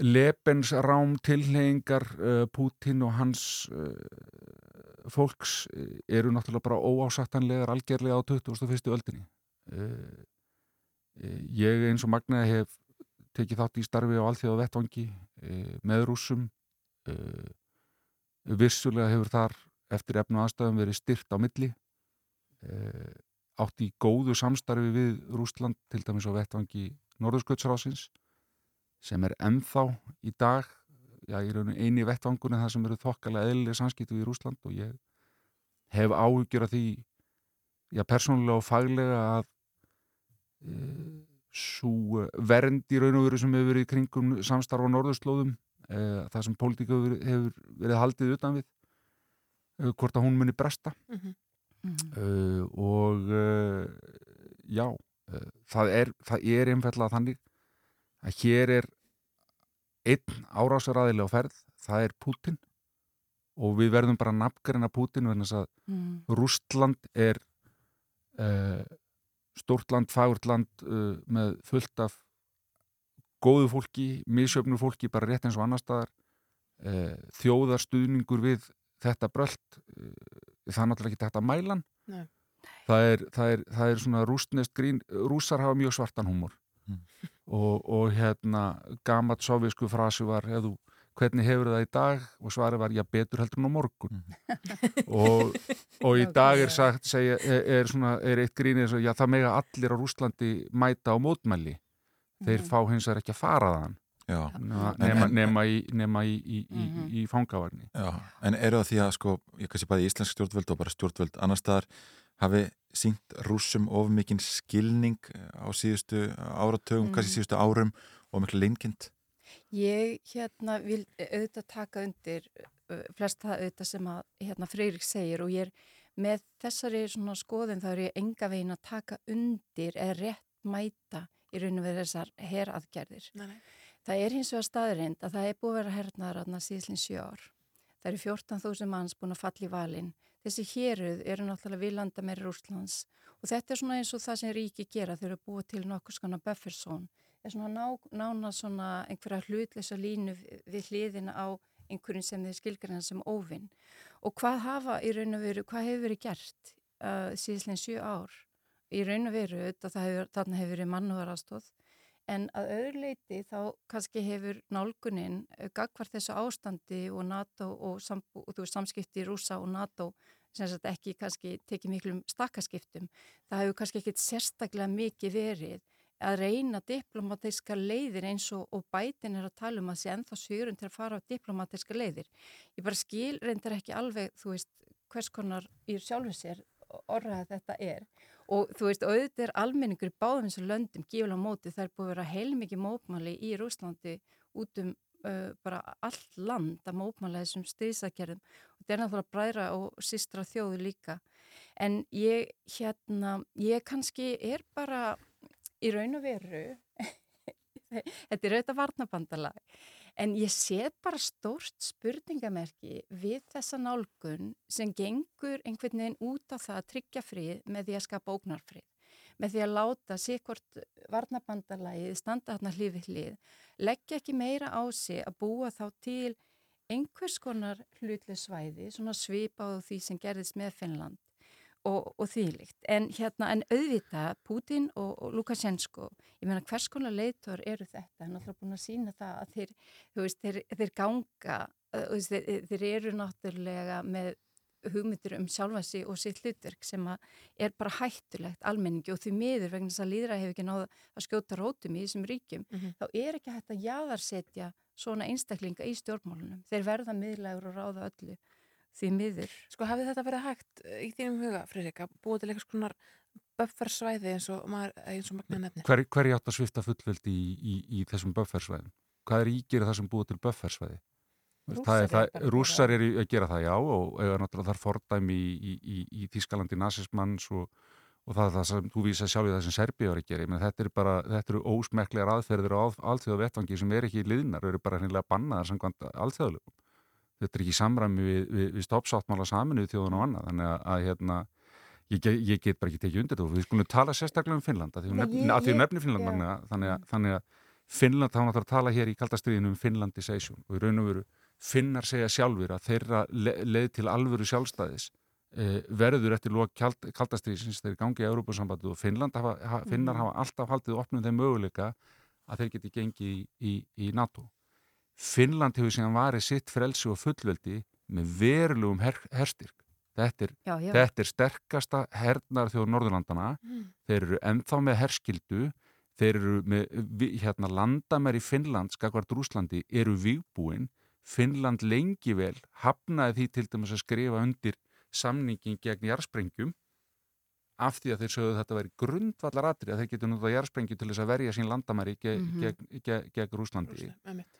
Þannig að það snýrist enn og aftur um það. Finnland er ekki í NATO af tillit sem yfir rússa. Finnland er ekki í NATO af því í dag og það er ekki að bera saman Finnland 2022 við Finnland 1982 eða 1972 eða 1952. Mhm. Og Finnland gæti ákveða á morgun að segja að nú er nóg komið, við ætlum að ganga í allarsarspandalagi. Já, Ég hugsa reyndar á síðustu, síðustu árum hafi Finnar jáfnvel verið nærði og ef maður lesa skýstur frá Mhm. Finnlandi þar sem þeir hafa farið mjög grundigt í gegnum þetta Einmitt. Og síðan enn og eftir með, með aðeldina NATO og, og, og bandalægin tvö, það eru náttúrulega ekki tvö bandalag, það er, Nei, nei. það er raun og veru bara NATO sem bandalag sem er opið, enn og eftir líðræðislegt bandalag sem, og það er að koma náttúrulega úkrænumönnum í köll og áður í Georgi og það eru, það eru, það eru aðgangsreglur að bandalæginu. Eitt að Mhm. skilur þeim að aðild er það að þú standir ekki neinum erjum við nágrannaðina sem er þá hérna hinn taktíska og strategíska hérna aðferðafræði rússa, til dæmis þegar Mhm. þið fóru inn í Georgi á sín tíma því Georgi er mjög nálægt til að geta, geta farið að byrja, hefja for, formleitt aðeldaferli að allarsbandalæginu þá var náttúrulega mjög kunstut og kostut að fara inn í Suður Ossetíu og Abkasíu og búa til búa til átök, landamæra átök En Freyrík, að Já, þú, já, að þú nefnir hérna uh, Þískaland nasismanns mm Mhm. sko það hafa svona, í gær var fólk að tala um það að það veri rætt um að hér væri þriðja heimstyrjöld að hefjast og það er auðvitað mjög svona stór orða að taka sér. Mhm. um, Teljið þið, við byrjum- að þér magna uh, teljið þið að, að það sé mögulegt að við séum að fara inn í eitthvað allsherra stríð í Evropu? Uh, ég tel það alls ekki mögulegt uh, vegna þess að ég held að, að þetta stríð í sjálfu sér um, verði eitthvað sem að því miður, kannski önnur ríki bara munu reyna sem mest halda sér frá. Ég menna það eru búin að vera átökandi í sjö ár. Nú eru þeir náttúrulega orðið stórtækari. Um, ég, er, ég held að NATO og Bandaríkin munu ekki fara í beina þáttöku en það er náttúrulega að vita að það er mörg ríki að Evrópu sem eru búin að vera flyttin vopn og styðja við bakið á ukrainsku stjórnvöldum og hérna þannig að ég held að þetta verði, en ég held að þetta verði alveg, þú veist, ég, mér, mér er óavið tilhugsunni hvers konar stríð þetta getur orðið. Flóttamannaströymurinn, ég meina Póland, Ungverland, Slovakia, Rúmenía, það er náttúrulega áhugavert að þú veist að rúsar hafa auðvitað ekki farið þarna inn, ég meina þeir kannski komast ekki þarna inn, en þarna líkur flóttamannaströymurinn, allur inn í ríki ESB, það er allir að, að viðbúinu því að taka Mhm. móti flóttafólki, Þískalanda stiði þessi ríki fjárhagslega til að geta gert það. Japanir og, og hérna, ESB eru búin að vera að styrkja bæði alþjóðra Rauðakrossins, alþjóða hérna, sambandið, landsfélag Rauðakrossins, landsfélag Rauðakrossins í Rúslandi, hínum með við landamærin, það er líka viðbúið úti því að þetta hefur náttúrulega líka áhrif þarna í austurhlutunum og, og, hérna, og þetta er allt undir fjármagnað, öll Mhm. þessi mannúðaraðstóð og fólk, og ég meina bara í austurhlutunum, þá búið að hérna að, uh, að eiðilegja um, eða í raun og veru skemma og eiðilegja alltaf 50.000 hús uh, innviðir eins og ramagn, vatt og hvað Þannig að ég held að þetta verði mikið mannúðar uh, hérna krísu ástand sem Já, fylgir þessu. Það það er greinlega á að veitna einhverja mannuðar hjálp og, og, og peninga til hjálparsamtaka. Friðrik, mun, mun, mun önnur ríki samt dragast inn í bein átök? um, sko uh, hér getur við talað um uh, svona skástu og vestu möguleika. Mhm. Það er í raun og veru eins og við erum að sjá, það er ekki þetta útiloka neitt. Nei. Mhm. Það töldu allir útiloka að Putin færi inn í Ukrænu það, og ef hann færi þá er það takmarkað er þið bundið við austurlutan, nei nei, en það er árásinn frá norðri, suðri og frá austri og markmið Mhm. augljóslega að taka all landið. Það gæti farið náttúrulega þannig og það sem að uh, og, og svona herfræðilega sjónaminnið þetta, um, um, er þetta að það er að ná að taka all landið, það er að umkringja Kíef, það er að, það er að hérna, koma þessu hérna, núverandi stjórnvöldu frávöldum Mhm. Uh, og búa til nýtt status quo, nýtt, ný, nýtt ástand jörðunýri og það, verði, það er búið og Mhm. það verði þá ekkit meira. En hættan er alltaf að eitthvað flæði yfir, yfir landamæri og eitthvað farast Mhm. að það er svona law of unintended consequences. Við komumst ekki lengra. Takk kærlega fyrir komuna. Takk fyrir Takk leið. Þú ert að hlusta á morgun útvarpið á Rás 2. Og við ætlum að halda áfram að, að ræða stöðuna í Úkrænu en stríð eins og það sem er Úsland hófi kær hefur vitaskuld markvíslegar alvarlegar afleðingar þar á meðal efnaðslegar, íslenskir og alþjóðlegar hlutabriðamarkaðir, ég voru eldröðir í gær, verðbólka geti hækkað en frekar og framlýslu keðjur að raskast og Áskil Brynjar Torfarsson, doktor í viðskiptafræð og sérfræðingur í fjármálum, ja, hann er komin til okkar, góðan daginn. Góðan daginn. Það var rætt við Mikael Noskov, sendiherra Rústlands á Íslandi í kvöldfréttum í gær. Hann sagði, já, rúsa ekki óttast refsi aðgerðir erlendra ríkja. Rúsar hafi vanist líku, lifa við refsi aðgerðir. Já, ekki aðeins síðan 2014 heldur líka á tímum Sjóvitaríkjana. Þau geti aðlegast rætt og vel að slíkum aðgerðum. Býta refsi aðgerðir og viðskipta þvinganir á rúsa. Nei, það er alveg rétt þetta sem hann segir sendi herran hins vegar virðist mér að var fylst með, þetta kom nú ekki fyrir sint í gerkvöldi uh, og eru ekki alveg fullu komnar fram svona hildarpakkin í aðgerðunum en mér sínst þetta að vera mjög uh, svona beittar og ný tegund í raun og veru af, af stríðsaðgerðum sem er þá stýrt strategist inn á viðskiptasviðið Eh, Þannig uh, ég sé þetta ekki sem hefðbundar viðskipta hömlur og þvinganir eins og við kannski tekjum sögulega. Það var verið að taka út úr bandarinska kerfinu tvo stærstu bankar Úslands og þrjá í viðbútt. Brettar voru búinir í gæri eða fyrir að daga að taka nokkra svona minni banka sem óleikarkar eiga og frista einhverja þrjá óleikarkar. Núna var voru fristar eigur uh, mjög margra ríkra uh, rúsneskra óligarka Mhm. mm. sem að höfðu í vinskap sínum við Putin náð í raun og veru eignarhaldi á almaneigum Mhm. allt síðan 1990 uh, þannig að, að tótnin í bætin í gær var algjörlega um, annar en ég hef hirt og séð áður. Uh, hann var mjög gaggrindu fyrir okkur haldið þetta virki núna þeir eru búin að vera að hóta þessu. Það er mjög skýrt.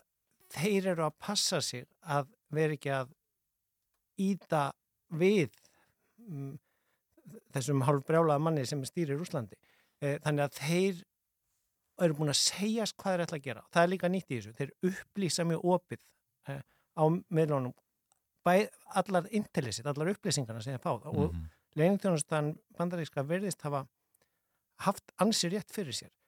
Þeir eru búin að vera mjög transparent með að segja hvað er ætla að gera ef að vera ráðust inn. Svo var ráðust inn í gær. Við erum með stríði í Evrópu og aðgerðirnar sem komu svolítið sendi í gær það var um, um, ekki komið samkomulag við Kína og Indland en Biden sagði að þeir væru að vinna í því. Mm -hmm.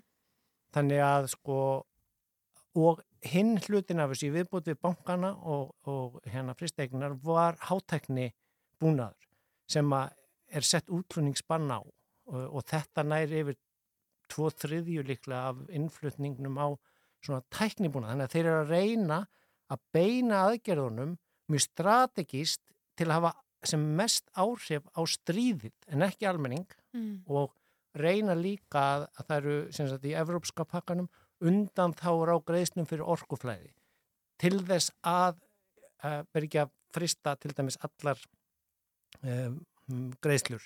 Mm -hmm. ef, ef við horfum á viðskiptakerfið þá er það vöruflæðið mm -hmm. sem að við sáum og lendum í vandraði með heiminum í COVID eh, og vandraði með framleiðslu á, á, á örgjörfum og þess að þar. Nún eru þeir svo framleyslu keðja komin í lag en nú segja bandarækjumenn og Evrópusamöndi með Nei, þið fáið ekki þennan tæknibúna sem þið þurfið í, í eh, hérna. Þannig að þeir eru að reyna að láta aðgerðanar beina staði að hafa sem mest áhrif á stríðið en sem minnst áhrif á almenning. Sko hvað, hvað þýðingu hefur það Sviss, þetta mikla fjármála kerfisland, hérna bankaland, hva- hvað þýðingu hefur það að þau ætla að taka eitthvað svona hlutlösa afstöðu varandi Ég, sko, Swift er í fyrsta lagi bæðum að gaggrundu fyrir það. Fyrsta lagi, Swift er bara samvinnufélag í- skráð í Belgju, þannig að bandarækjumenn ráð ekki yfir því. Uh, Þetta er bara svona net uh, stóru bankan í heiminum en það er uh, Boris Johnson var mjög mikið að að herja á þetta og þetta er búið að trenda á Twitter en, en þetta er miskilningur. En maður skilur peningaflæði í heiminum sem þú þarft að hafa á móti vöruflæðinu að þá gerast nánast öll viðskipti gegnum dólar Mm. og endanum ef þið hugsið ykkur stigveldi eða hýrarkíð í, í peningakerfinu uh, ég var að tala um bitcoin hérna síðast. Það er flótti út úr bitcoin yfir í alvöru uh, pening í dólarum og Já, já. dólarin er hæstur í peningakerfi heimisins ef þið eru að flytja pening hérðan eh, eh, til útlanda þá þarf það að fara í gegnum bankan ykkar gegnum banka í London.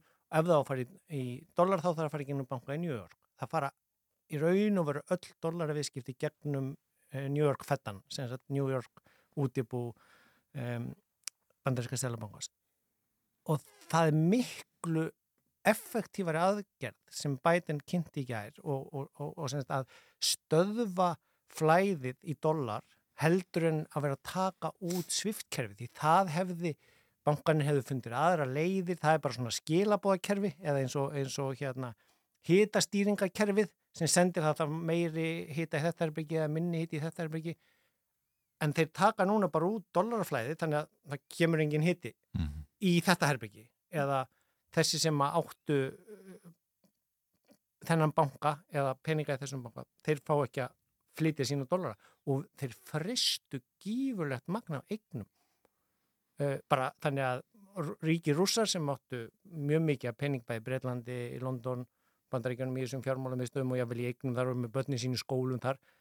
Uh, að það er bara eins og við munum kannski hér þegar að voru konin gældrisöft og, og, og sko ekki bara að geta ekki flutt peningin á milli landa heldur að eignir þessar eru bara fristar og gemdar af bandarísku alveikistjórninni þú færði ekki aðgang á bankaregninu fyrir en við erum búin að sjá hvernig þetta stríð fer og hvort Já, þú sért búin að gera hvað en, en spurningin sagt var semst um Sviss sem land sem ætla að taka Mm. eitthvað svona já. hlutleysis, sko hefur það eitthvað afs, ég meina það hljóta fullt af rússum að eiga eignir og peninga í svissneskum böngum Já, eh, það, það er nú einmitt vandin með peninga að hann flæðir náttúrulega alltaf um heiminn og í gegnum mismunandi kerfi og annars þar aftur eh, það var ekki tilkynnt í gær að frista eignir Putin sjálfs sem er nú einn af ríkustum mönnum í heimi.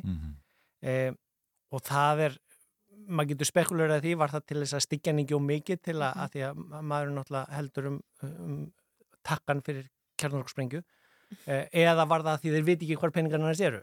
Eh, Biden svaraði ekki þessar spurningu í lok uh, blaðmanna hundarins eh, auðvita er ekkit víst og mjög líklega er þetta ekki nóg til að stoppa en það bara samt að, allir þingmenn Já. í dúmunni, eignir þeirra.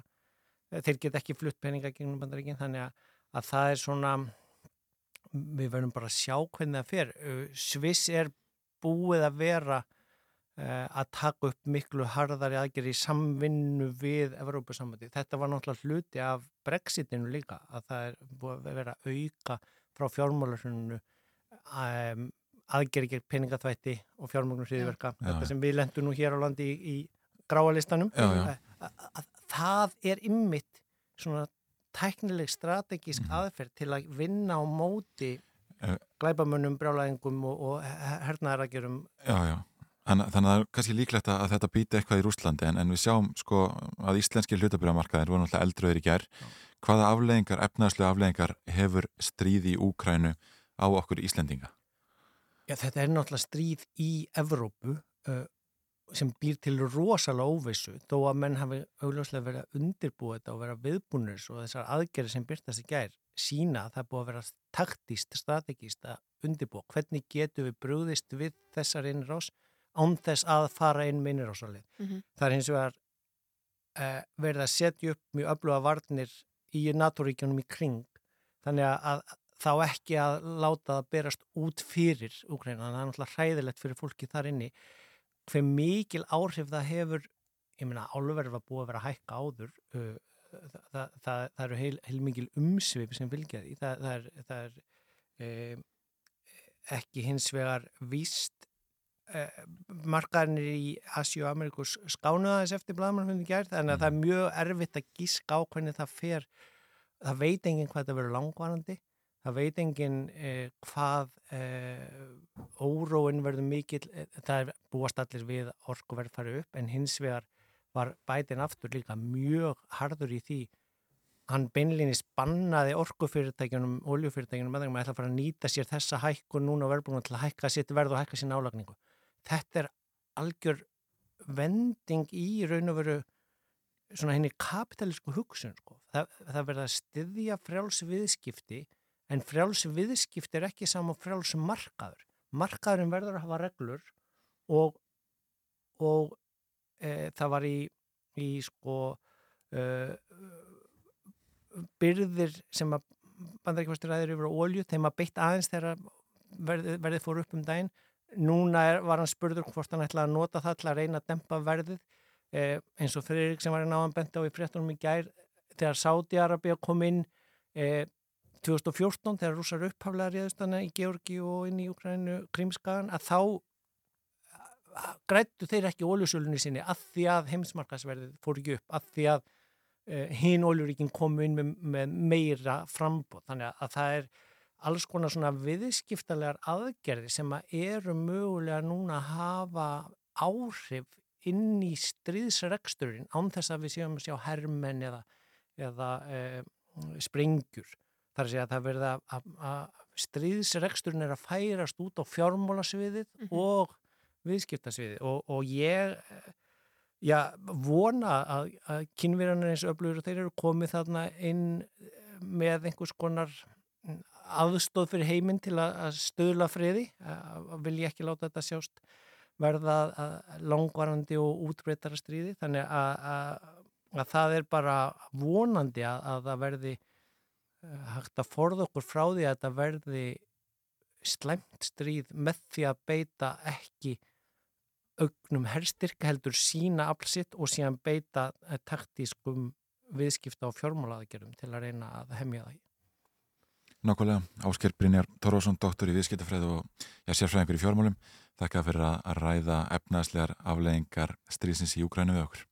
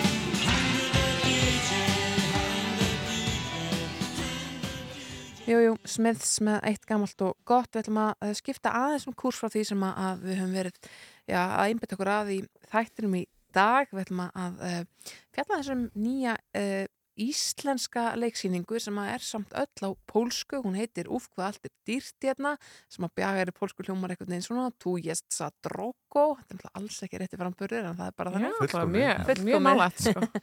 Reynda kom- mjög auðvelt að segja þetta. Já, það eru kominninga til okkar Ólafur Áskísson höfundur þessa verks og aðaleikari og Salfur Gullbrá Þorhansdóttir leikstjóri verið velkomin. Takk. Það er frumsningadagur, ekki satt? Jú. Og, og hvernig er hérna, segja okkur frá þessu verki? Heyrðu, þetta er náttúrulega, þetta er sko íslensk-pólskur leikhópur, uh, leikfélagi Pólís. Og hérna, við gerðum síningu þar sem að hérna, uh, í Tjarnabíó í fyrra, þar sem að uh, við svona könnuðum þetta samband uh, Íslendinga og Pólverja. Nú eru Pólverja náttúrulega uh, svona stærsti hópur innflytjenda á Íslandi, þetta eru 20 og kannski eru 23.000 manns eða eitthvað svoleiðis á Íslandi. Hanna, og það er bara ekkert leikus á pólsku og upprunalega hugmyndin er í rauninni frá þegar Óli fór að pæla í sko þegar hann sá hvað að vera að sína myndir í Bíóparadís á pólsku við mjög mikla vinsældir og voru að hugsa ekkur er engin, er engin leiksýning á pólsku. Uh, og ég skrifa umsókn og fæ styrk og, og svo hérna allt í hennu er ég bara komið styrk fyrir s- sýningu og veit ekkert hvað ég á að byrja og ég byrja bara að læra pólsku og um, Mm. uppálega voru þessi, sagt, þessi tvö um, törfinir okkar frá Pólandi sem að búa hér og voru að gera með okkur leikhús þau, þau eru ekki leikhúsmentuð og voru með mér á umsókninu og vissir henni ekkert út í hvað þau voru að fara þannig að ég svona eiginlega plattaði þau til að Já. gera leikhús og svo e, í miðjum ferli sagt, Salka fær COVID Mhm. þegar við erum að fara frumsýna Mhm. og ég skrifa nýja umsókn fyrir nýju verki Já. sem sagt, og það er þetta verk Já.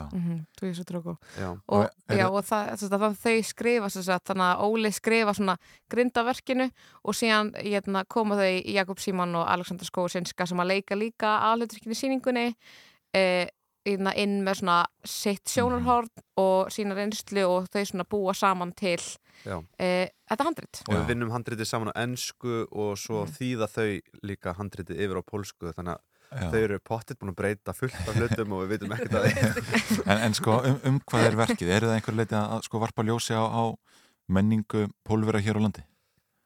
Og, Já. og upplöfum þeirra? Sko, grunnhugmyndin er svo að, að þau, þau leika hérna, ungt par, trúlofað par sem kemur hingað í, í þryggja mánuða atvinnu á, á sem sagt uh, Eskifjörð uh, að vinna í fiskvinnslu til að safna sér fyrir brúðköpi sem er uh, bara mjög mjög algengt Mhm. samkvæmt þeim Mhm. og eitthvað sem allir þekkja sem sagt uh, frá, frá sem sagt, Pól, Pólandi og uh, þau mæta hér ymsum um, Íslendingum og, og svona furðulegum karakterum Já. á Íslandi emitt, En, en þú lærið pólsku fyrir þetta verk?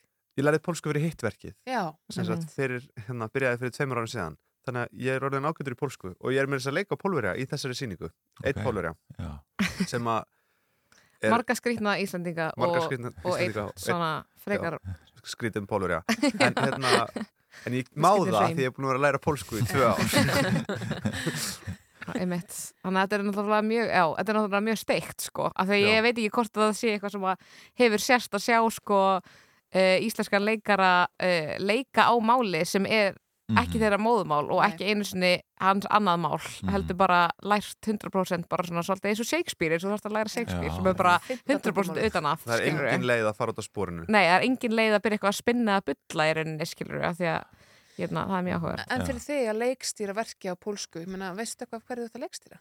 Uh, já, ég meina, það er náttúrulega nú alveg freka svona þekkt konsept að, að hérna, leikstýra á öðru tungumáli uh, eða þú veist, hinga hafa komið uh, til dæmis leikstýrar uh, frá alveg mikið öðrum löndum, þú veist, og er hérna meira Akkurat núna er akkurat Jael núna Farber. Já, að leikstýra í þjóðleikusinu en hins vegar var ég bara með einmitt, þú veist, ég bara með, var með handrit á íslensku og pólsku skilur og horfði bara, þú veist, í byrjun og svo einhvern veginn einhverjum tímum er maður bara búin að læra handriti 100% sjálfur. En það er auðvitað skrítið, sko og hérna, þú veist, svona áhugaverð reynsla að gera það en hérna, þú veist, ég á svona gott samband við hennan leikhóp eftir Mhm. hérna, fyrra ferli þannig að þú veist, það svona bara gengur bara mjög vel en hérna, þetta er auðvitað mjög óvinnlegt og bara Svo erum við líka komið með textakerfi sem að borgarleikusið býður upp á Mhm. þar sem að þú ert með textan í símanum og það er þetta að velja bæði íslenskan og enskan texta Já, Já, þannig að að þarfst ekki að tala, tala pólsku til að, til að fara á síninguna Nei, Nei. Íslendingar geta komið á sýninguna og hérna og ég er verið með íslenskan og enskan texta þannig að í rauninni myndi ég setja að vera aðgengilegasta sýning á Íslandi út af því að það er hérna bara ef þú talar pólsku, íslensku eða ensku, skilur eitthvað af þessum tungumálum þá getur þú komið á sýninguna sem er grínsýning og er bara í rauninni algjörst partí sko og það er svolítið áhugavert að Íslendingar sem koma uh, á, þá komið á reynsli hjá okkur hafa svolítið orða á því að það sé úrslega skemmtileg upplifun að vera minni hlutin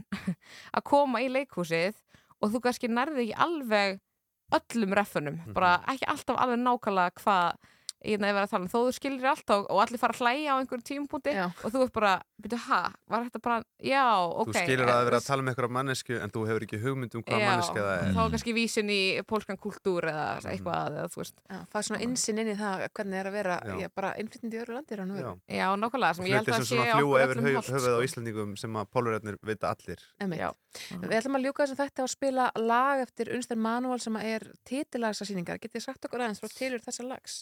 að þetta er lægi sem að pólski karakterinn sem ég leik syngur þegar hann er að gefa unga parinu ráð um það hvernig, hvernig best að haga sínum málum hér á Íslandi. Já.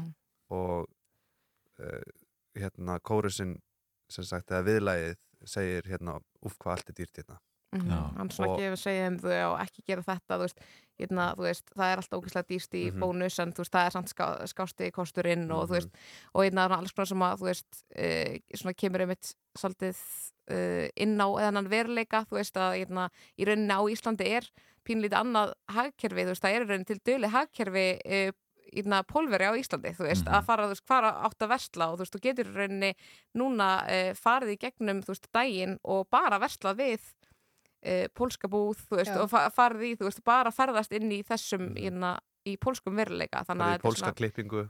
Já, pólsks tannlæknis. Já, þannig að þú veist, þetta kemur svona pínlít inn á þann veruleika, sko, Mhm. og þetta er bara stuðlag og þú veist, ég hérna setur bara kannski svolítið tóni fyrir hvernig sýningin er, svona, þetta á að vera skemmtilegt, þetta á að koma okkur saman og ég held að sé ekki betur leið en húmor til þess. Æðislegt.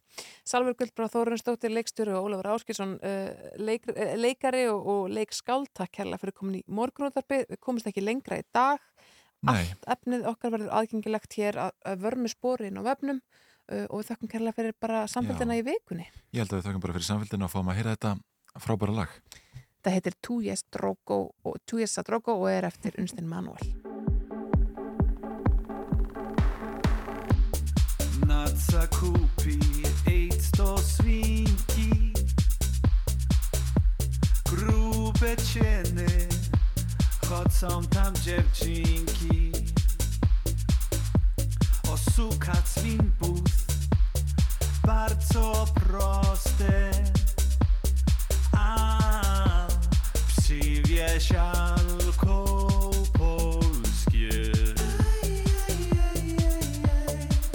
Ościesacie jedząc w pracę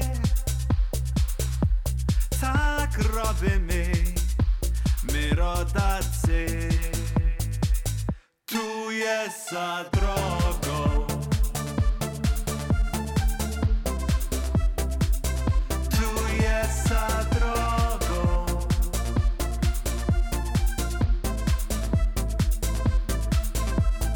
Wynajem kurde pół wypłaty. Wszystko mam na ratę Ale gdy wracam na stare kraty Jestem królem starych juch. Kurde miałem być bogaty. Pracuję dwa etaty I nie mam czasu jechać. Pi podziwasz kolosiusz Tu jest za drogą